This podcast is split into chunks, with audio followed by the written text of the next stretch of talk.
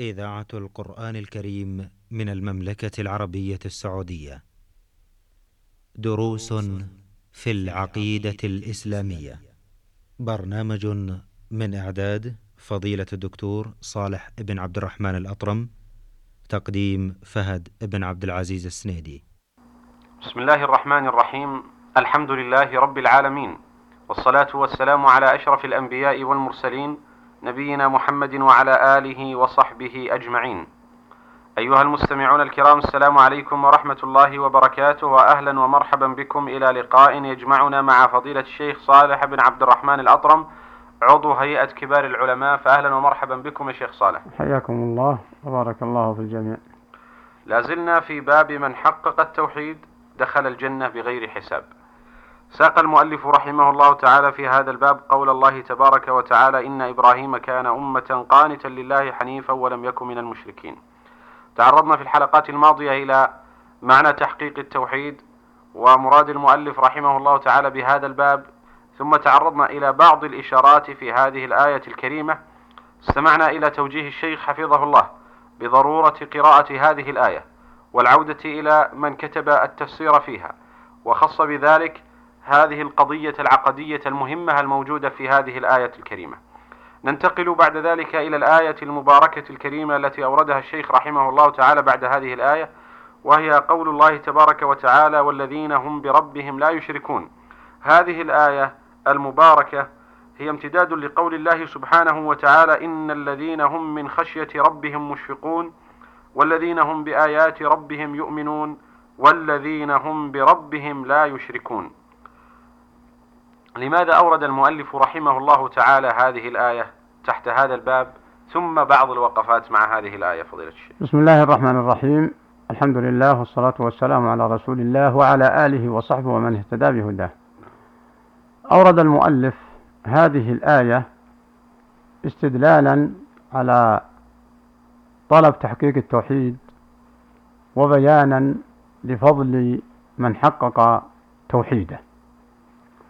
وتحقيق التوحيد بهذه بهذه الأوصاف التي ذكرها المؤلف رحمه الله. وأولها قوله قوله تعالى إن الذين هم من خشية ربهم مشفقون والذين هم بآيات ربهم يؤمنون والذين يؤتون ما آتوا وقلوبهم وجلة أنهم إلى ربهم راجعون والذين هم بربهم لا يشركون والذين يؤتون ما آتوا وقلوبهم وجلة أنهم إلى ربهم راجعون. أولئك يسارعون في الخيرات وهم لها سابقون. فما أعظمها من أوصاف؟ تدل على فضل تحقيق التوحيد. وهذا الفضل أولا الخوف إن الذين هم خشية ربهم مشفقون. أولا الخشوع. والخشوع ينتج الخوف من الله. فلا يرتكبون ما يسخط الله وما يغضبه و والخوف يدعو إلى محبة الله والقيام بأوامره. رجاء رحمته. إن الذين هم من خشية ربهم مشفقون. فهم خائفون من العذاب إن تركوا طاعته. و ومشفقون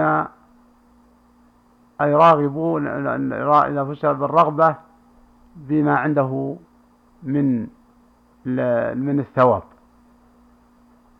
هذا فما أعظمه من وصف. إن الذين هم من خشية ربهم مشفقون والذين هم بآيات ربهم يؤمنون. فجمعوا بين الإيمان وبين الإشفاق وبين الخوف. فدل على أن هاتين الصفتين لا بد من اجتماعهما. فقد يحصل اليقين والإيمان والتصديق لكن ليس هناك خوف وشفقة تستدعي إلى محبة العبادة رجاء ما عند الله. وخوفا من عذابه ولهذا جاء في وصف الصالحين أولئك الذين يدعون يبتغون إلى ربهم الوسيلة أيهم أقرب؟ ويرجون رحمته ويخافون عذابه. إن عذاب ربك كان محظورا. فقوله تعالى إن الذين من خشية ربهم مشفقون. لا يكفي لأن قد يأتي الخوف ممن هو غير مؤمن. وهذا أمر طبيعي. حتى في حتى البهائم نعم. يحدث فيها الخوف. وحتى الكفار يحصل عندهم خوف. والذين هم بآيات ربهم يؤمنون أي مصدقون. ومعتقدون صحتها والعمل بها. الوصف الثالث والذين هم بربهم لا يشركون. وهنا وهنا الحقيقة على على حد المثل هنا محط الرحم. نعم. والذين هم بربهم لا يشركون. أي نفى عنهم الشرك المطلق. الشرك الأكبر والشرك الأصغر. فقد فدل هذا على أن الخشية قد تحصل لكن لا يدل على انتفاء الشرك. ودل على أن اجتماع الخشية مع الإيمان لا بد من ترك الشرك أيضا. الذين هم بربهم لا يشركون. وهذا النفي دل على وجوب ترك الشرك الأكبر والأصغر والقول والفعل. الوصف الرابع والذين يؤتون ما آتوا وقلوبهم وجلة أنهم إلى ربهم راجعون.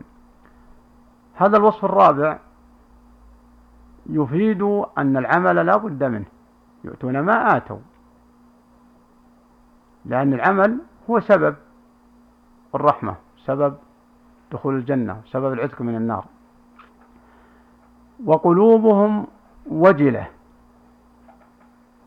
أي خائفة من أن يكون من رد العمل خائفة من سوء العاقبة خائفة من الانتكاس على العقب نسأل الله السلامة. والذين يؤتون ما آتوا وقلوبهم وجلة مع الخوف. فتدل هذه الآية على معنى عظيم وأنه لا ينبغي للمسلم بل لا يجوز له أن يعجب بعمله وأن يربو بعمله وأن يتمنى يتمنى به على الله وتدل على أنه لا يصح ترك العمل نعم. بل لا بد من العمل مع هذه الصفة وهو الوجل أي الخوف من أن تسوء خاتمته. الوجل والخوف من يدخل عمله ما يفسده وما يحبطه. والذين يؤتون ما آتوا. ودل على أن أن العمل لا بد منه. لأن الله قال يؤتون ما آتوا من الأعمال. القولية والفعلية. إذا العمل لا بد منه.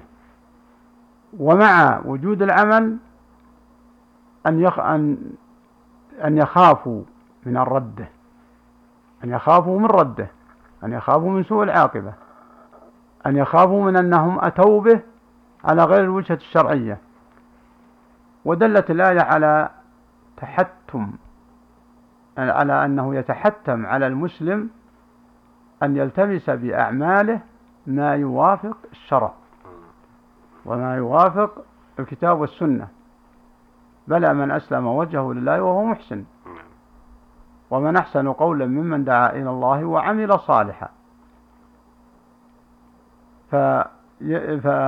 فهم يؤتون ما آتوا من الأعمال مع خوفهم أنها غير صواب أو أنها مردودة ومع قوة رجائهم من الله أنه لا يخيب ظنهم.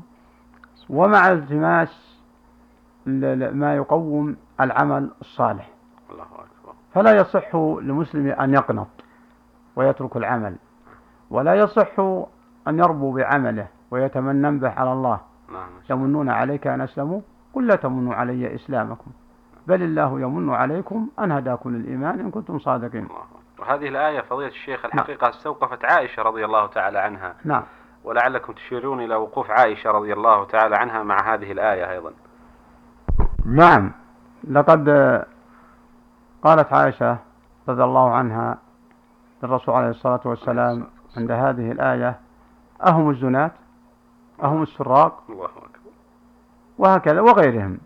يعني يعني قصد عائشة هل الذين يخافون هما الذين يرتكبون المعاصي؟ فأجابها عليه الصلاة والسلام بأنهم المصلون والصائمون والمطيعون فهم يعبدون الله كما أمر ويتبعون رسوله ولكنهم على وجل وخوف من أن تسوء خاتمتهم أو من أن ترد أعمالهم أو من أن يدخلها ما يحبطها أو ما ينقصها. فما أعظمها من آية والذين يؤتون ما آتوا وقلوبهم وجلة أنهم إلى ربهم راجعون. ولماذا؟ وما الذي يدفع الخوف لتصحيح العبادة ولترك المعاصي هو تذكر الرجوع إلى الله والوقوف بين يديه يوم القيامة. أيضا مقولة الحسن البصري رحمه الله تعالى آه، حري أن آه، يذكر بها المستمع في هذا المقام وهي قوله المؤمن من جمع إحسانا وشفقة والمنافق من جمع إساءة وأمنا. نعم. حقا إنها كلمات رائعة يعني تردد في مثل هذا المقام. الحق أنها كلمات من من أعطاه الله النور الله. كالحسن رضي الله رحمه الله حسن آه، البصري. نعم. فلا بد من أن يجمع بين الإحسان وبين الخوف. فالذي يحسن ولكن ليس عنده خوف هذا قد يكون معجبا بإحسانه فتنعكس عليه ينعكس عليه الأمر والذي لا لا, لا يخاف ويخل والذي لا يحسن آه، بعمله آه، قد يكون آه، يخاف من العقوبة. وقد يكون آمن وهو الذي عليه الخوف. كما حكى الله عن المنافقين وعن آه، الذين يرتكبون المعاصي وهم آه، مرتاحون لها. أما من اعتقد حلها هذا أمر آخر. هذا يخرج عن طور الإسلام. نعم. لكن ما ما ما ذكرته الذي هو آه، باسم الإسلام. فالمسلم الصحيح الذي يحسن يحاول إحسان العمل بتعلم حكمه من الكتاب والسنة ويخشى ويخاف أن يرد عليه هذا المسلم آه، الصحيح نعم. وقد يكون ادعاء الإسلام كالمنافقين الذين يظهرون العمل ويبطلون ال- الكفر والسوء والبغض هذا لا لا ينفعهم نعم. لأن الإحسان لا بد أن يجمع بين الاعتقاد وبين العمل. شكر الله لكم يا شيخ على هذا البيان وأتمنى أن يتجدد اللقاء وأنتم على خير. أيها الإخوة المستمعون في الختام تقبلوا تحية زميلي يحيى عبد الله من الهندسة الإذاعية حتى نلقاكم في لقاء قادم ومع درس آخر من دروس العقيدة. أستودعكم الله والسلام عليكم ورحمة الله وبركاته. دروس في العقيدة الإسلامية. برنامج من إعداد فضيلة الدكتور صالح بن عبد الرحمن الأطرم تقديم فهد بن عبد العزيز السنيدي.